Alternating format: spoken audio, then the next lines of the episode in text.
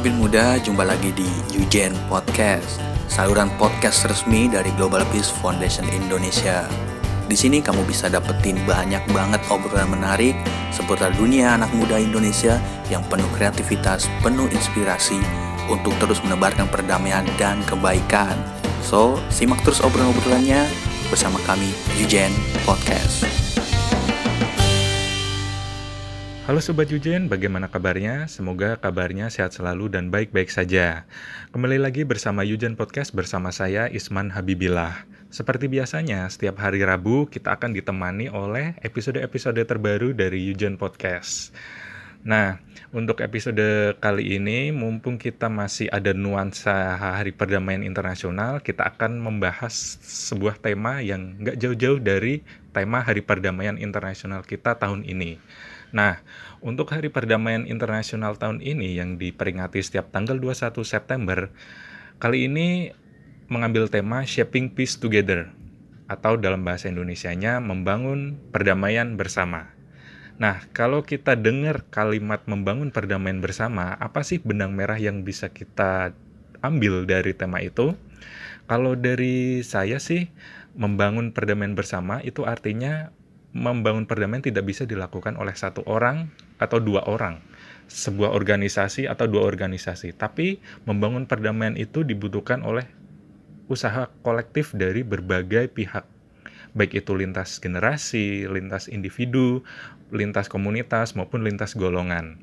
Nah, untuk itu pas banget nih uh, episode Yujan Podcast kali ini kita punya seorang pembicara yang aktif menyuarakan nilai-nilai perdamaian dan toleransi dan juga membumikan Pancasila ke masyarakat Indonesia.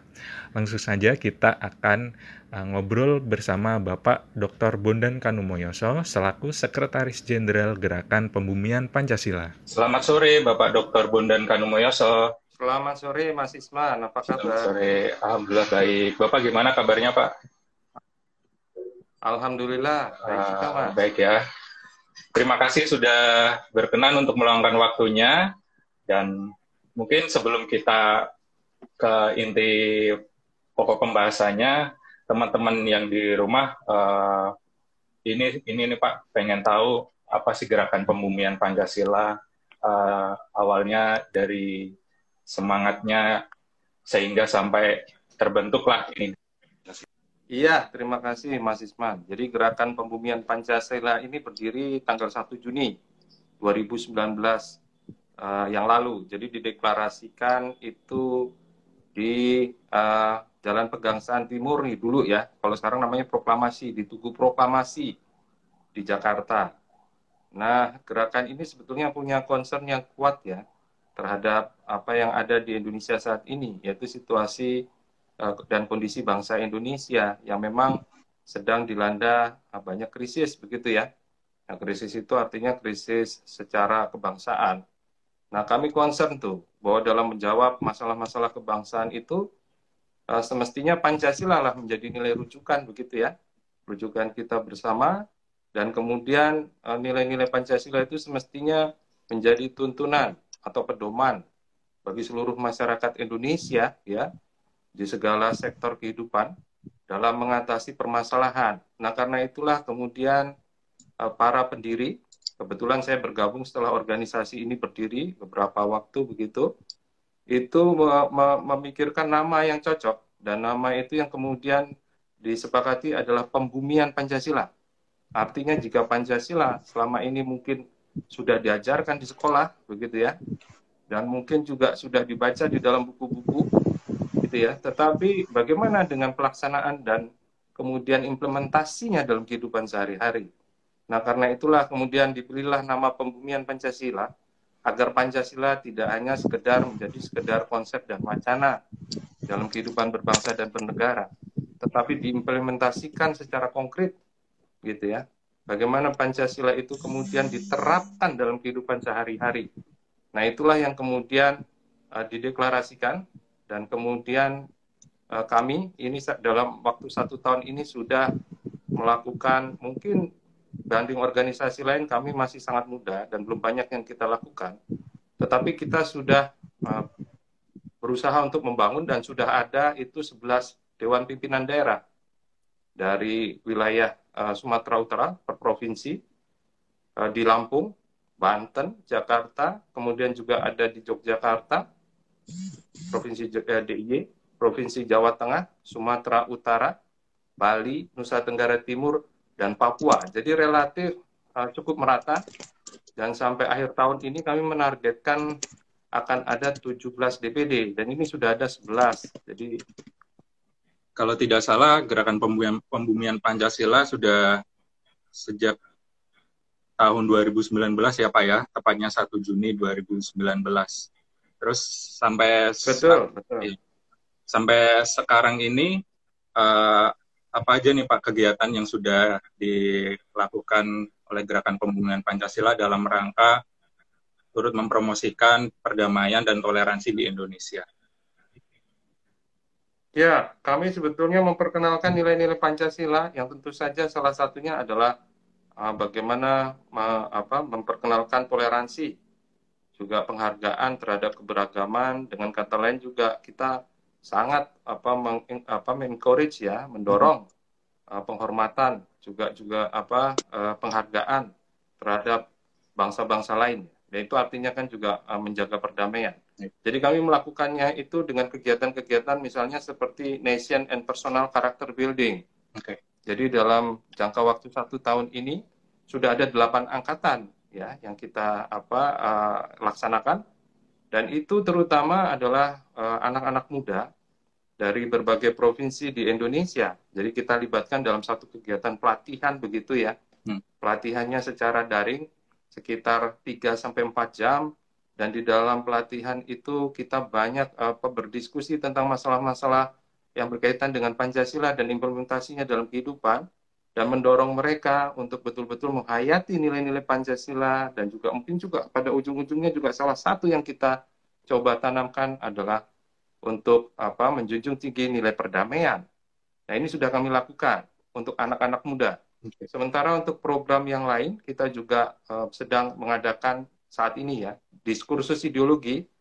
Jadi satu program bagaimana kami ini menanamkan uh, ideologi Pancasila, bukan menanamkan tapi memperdalam dan kemudian membuat platform bersama kesepahaman tentang apa itu ideologi Pancasila, terutama di antara para pengurus Dewan Pimpinan Pusat dan Dewan Pimpinan Daerah. Untuk saat ini masih internal. Nah ini sudah kami laksanakan dalam dua serial. Rencananya akan ada sembilan serial sampai nanti akhir tahun dan itu e, mendapat sambutan yang sangat positif.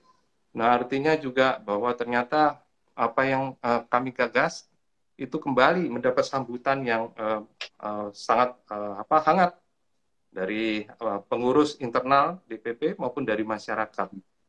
Nah, itu program-program yang sudah terlaksana. Kami sendiri punya program e, sekolah kader ya dan juga sekolah Pancasila yang nanti ditujukan untuk masyarakat gitu ya, terutama untuk anak-anak muda untuk tingkat sekolah menengah atas maupun untuk perguruan tinggi. Ini kurikulumnya sedang kami godok, sedang kami matangkan, yang nantinya akan kami perkenalkan dan kemudian akan kami laksanakan di berbagai provinsi hmm. di mana itu ada Dewan Pimpinan Daerah dari Gerakan Pembumian Pancasila. Jadi itu apa kurang lebih yang uh, sedang dan akan kami coba laksanakan sebagai bentuk bukti dukungan penuh kami kepada perdamaian. Demikian Mas Isman.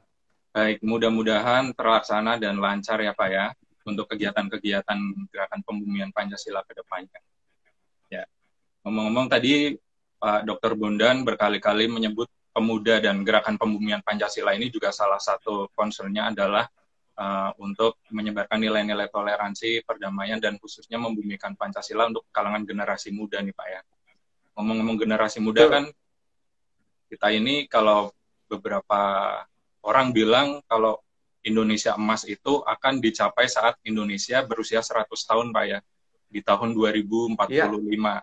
dan juga kita ada hmm. momen bonus demografi juga kalau kita tarik ke belakang lagi artinya itu yang akan memimpin di tahun 2030 dan juga di tahun 2045 adalah pemuda yang saat ini sedang kuliah, sedang mulai bekerja, meniti karir. Kalau dari Bapak Dr. Bondan sendiri, memandang uh, yeah. pentingnya pemuda terutama bagi gerakan pembumian Pancasila itu apa Pak? Oh penting sekali. Memang mereka lah yang akan uh, me, me, apa, mewujudkan Indonesia di masa yang akan datang. Dan pemuda di Indonesia itu punya kiprah yang sudah panjang gitu ya. ya. Jadi artinya kita melakukan itu bukan hanya karena baru sekarang kami memikirkan tentang pemuda, tapi pemuda sendiri punya satu apa uh, track record ya di dalam perjalanan bangsa Indonesia. Ya. Bahkan sejak awal-awal ketika bangsa ini mulai berdiri itu sebetulnya yang menjadi apa motor penggerak utamanya adalah para pemuda. Tentu masih ingat ini Mas Isman ya. dan mungkin teman-teman yang lain yang saat ini ikut menyaksikan bagaimana dunia pergerakan kita diawali oleh satu organisasi pemuda yang namanya Budi Utomo.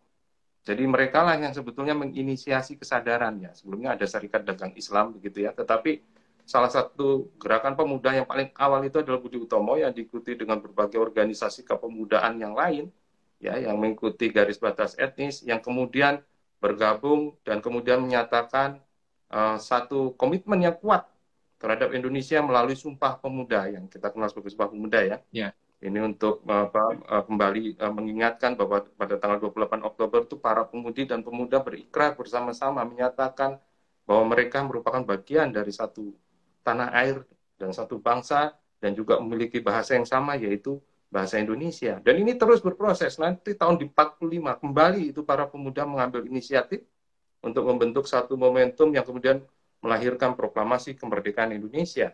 Dan nanti di dalam momen-momen penting dalam perjalanan Indonesia di tahun-tahun selanjutnya, kembali para pemuda memegang peranan kunci dan selalu mereka yang kemudian uh, menjadi uh, apa aktor utama ya di ya. dalam perubahan-perubahan yang terjadi. Jadi karena itu jelaslah kami sangat concern kepada para pemuda karena di dalam gerakan pemudian pembian Pancasila sendiri anggota kami itu kami utamakan juga anak-anak muda yang kami dorong ke depan ya untuk mulai uh, berkiprah secara nyata, tidak harus menunggu menjadi orang dewasa ataupun kemudian menjadi tokoh masyarakat. Bahkan sejak mereka masih memulai untuk meniti apa kehidupan dalam tahap-tahap awal, kami sudah dorong mereka supaya dari sejak awal dalam mereka berkiprah di masyarakat dan bahkan sebelum mereka terjun langsung ke dalam masyarakat, mereka sudah harus uh, memahami dan kemudian juga punya concern yang kuat dan komitmen yang kuat terhadap Pancasila karena mereka lah masa depan Indonesia. Jadi jelas itu adalah menjadi komitmen utama kami untuk mendorong para pemuda untuk terus ya eh, belajar dan mau memahami dan kemudian mau mengimplementasikan menerapkan Pancasila. Baik Pak. Baik, uh, baik Pak. Ngomong-ngomong pemuda ini kan di era sekarang itu uh, sudah bergeser ya Pak uh, dari tadinya uh, saling berkompetisi sekarang saling berkolaborasi, baik itu kolaborasi yeah.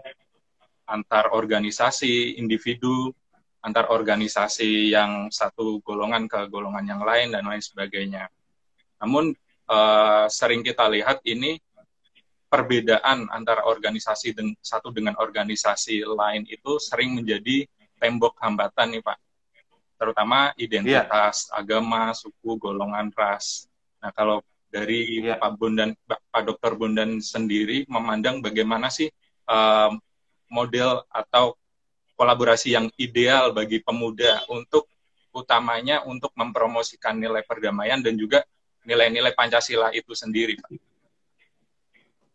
Ya, saya kira pada awalnya tentu saja ketika kita berorganisasi atau membentuk satu apa uh, lembaga yang mewadahi kepentingan kita, tentu yang kita bentuk adalah yang punya ikatan kuat dengan kita ya. Itu wajar sih, natural saja bahwa kemudian muncul organisasi-organisasi yang punya kepedulian yang sama atau berdasarkan latar belakang etnis itu adalah hal yang biasa.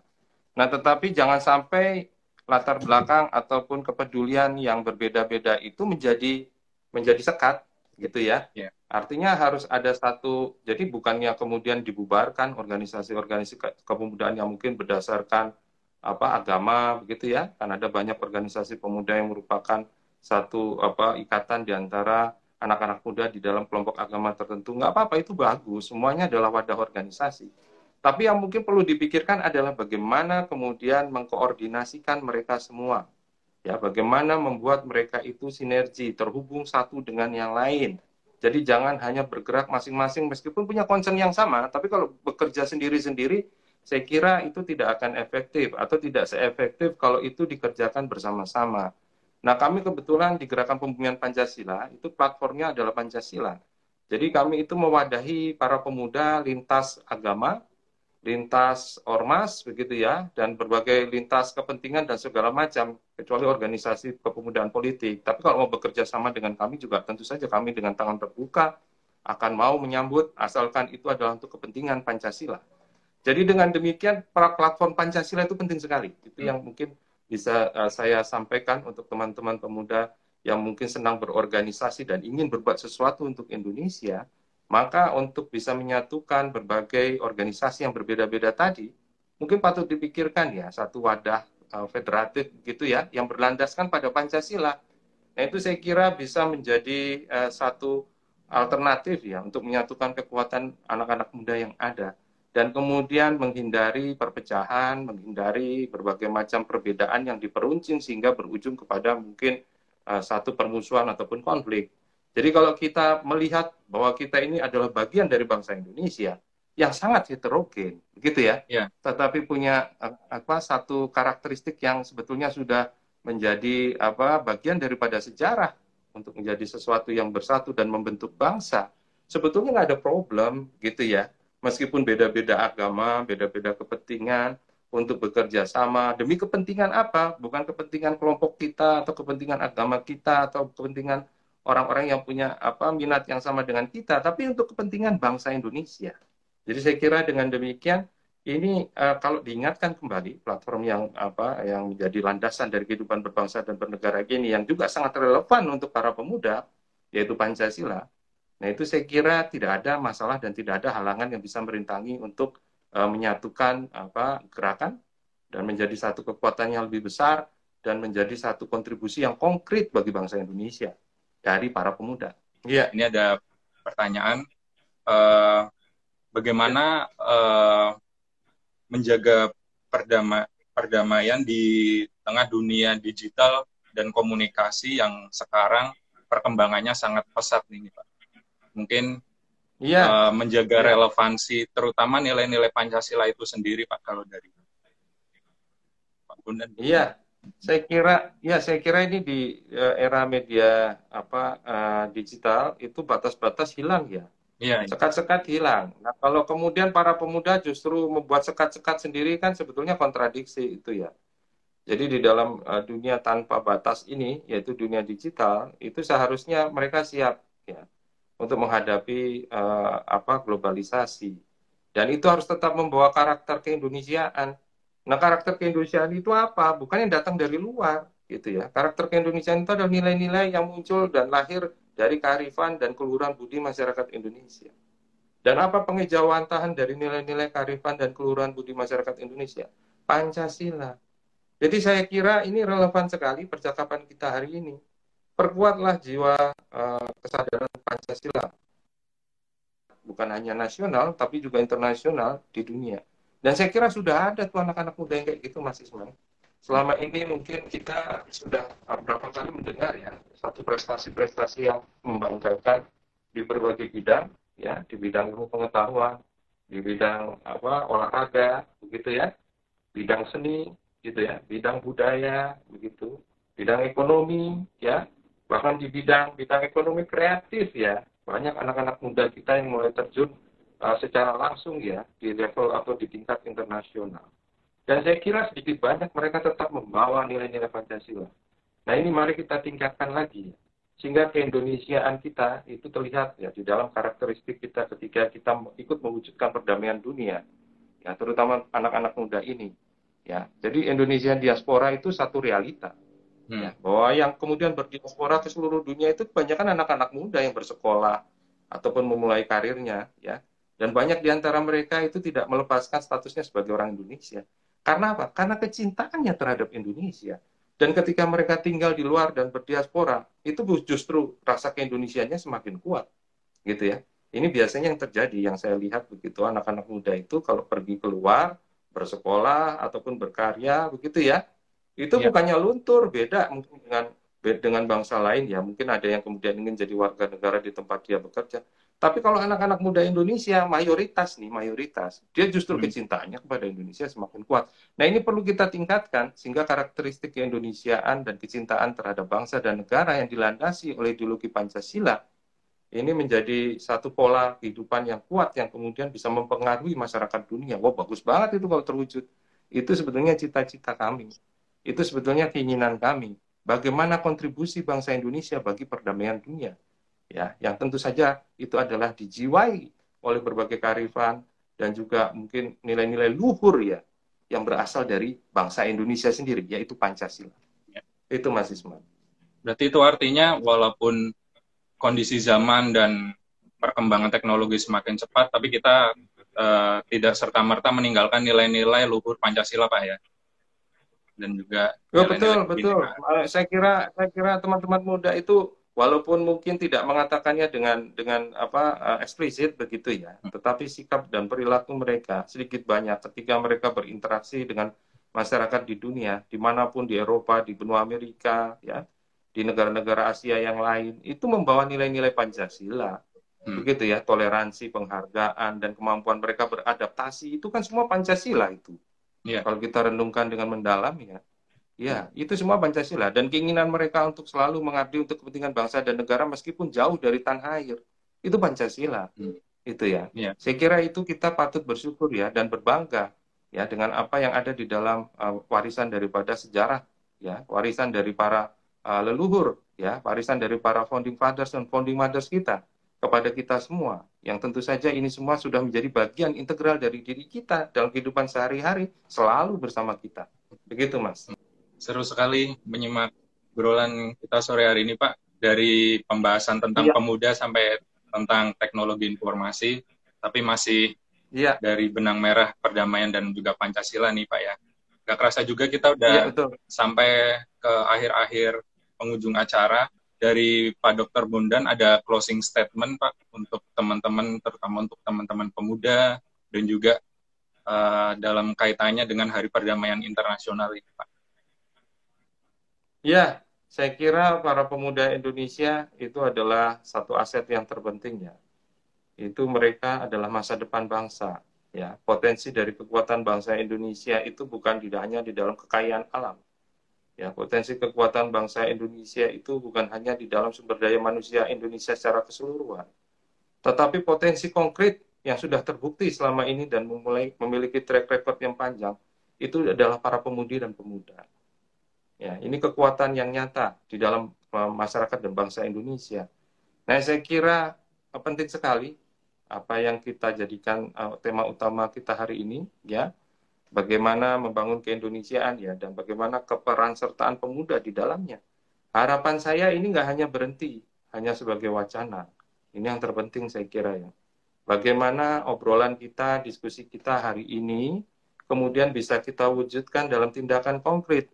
Tindakan konkret seperti apa? Tindakan konkret yang betul-betul bisa diwujudkan dan dilaksanakan. Ya, kami menunggu teman-teman dari GPFI maupun teman-teman dari organisasi kemudaan maupun para pemudi-pemuda Indonesia pada umumnya ya untuk uh, bekerja sama bergabung dengan kami oh kami senang sekali. Ingin gabung dengan GPP boleh. Tangan kami terbuka lebar. Sangat ingin bekerja sama dengan anak-anak muda Indonesia yang punya concern yang kuat terhadap Pancasila. Ingin bekerja sama sebagai organisasi senang sekali karena kami tahu betul bahwa pembumian Pancasila tidak bisa dilakukan hanya oleh satu kelompok atau satu golongan atau satu organisasi. Harus dilakukan bersama-sama, harus dilakukan dengan bergandengan tangan, harus dilakukan dengan bekerja sama. Tadi kata kunci yang disampaikan oleh Mas Isman, kolaborasi. Itu penting sekali, kolaborasi. Ya, kolaborasi sekali lagi. Dan itu itu memang yang sudah dikerjakan oleh para pemuda. Di tahun 28 mereka bersatu, ya untuk menunjukkan komitmen dan menjadi sumber inspirasi kita semua bahwa bangsa Indonesia itu bukan sekedar angan-angan, bangsa Indonesia itu konkret dan nyata ya, meskipun terdiri dari berbagai macam unsur. Karena ketika itu organisasi pemuda juga berbagai macam unsur etnik ya. Ada Yong Batak, ada Yong Java, ada Yong Selebes, ya ada pemuda Ambon dan semuanya itu semua berdasarkan etnis tapi kemudian bergandengan tangan mewujudkan cita-cita bersama membentuk bangsa Indonesia.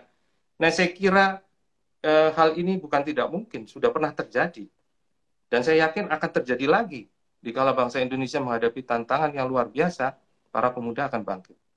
Para pemuda akan menjadi eh, orang-orang yang berada di depan untuk menjawab tantangan itu kemudian mewujudkan perdamaian dunia sesuai dengan amanah yang ada di dalam Pancasila dan pembukaan Undang-Undang Dasar 1945. Dan inilah yang kemudian menjadi inti ya. Inilah yang kemudian menjadi pesan utama sebetulnya dari apa yang kita diskusikan hari ini.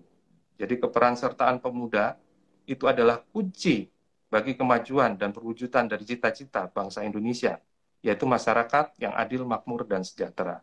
Saya kira demikian, Mas Isman. Baik, Terima kasih Bapak Dr. Bundan Kanumoyoso atas kesempatannya sore hari ini.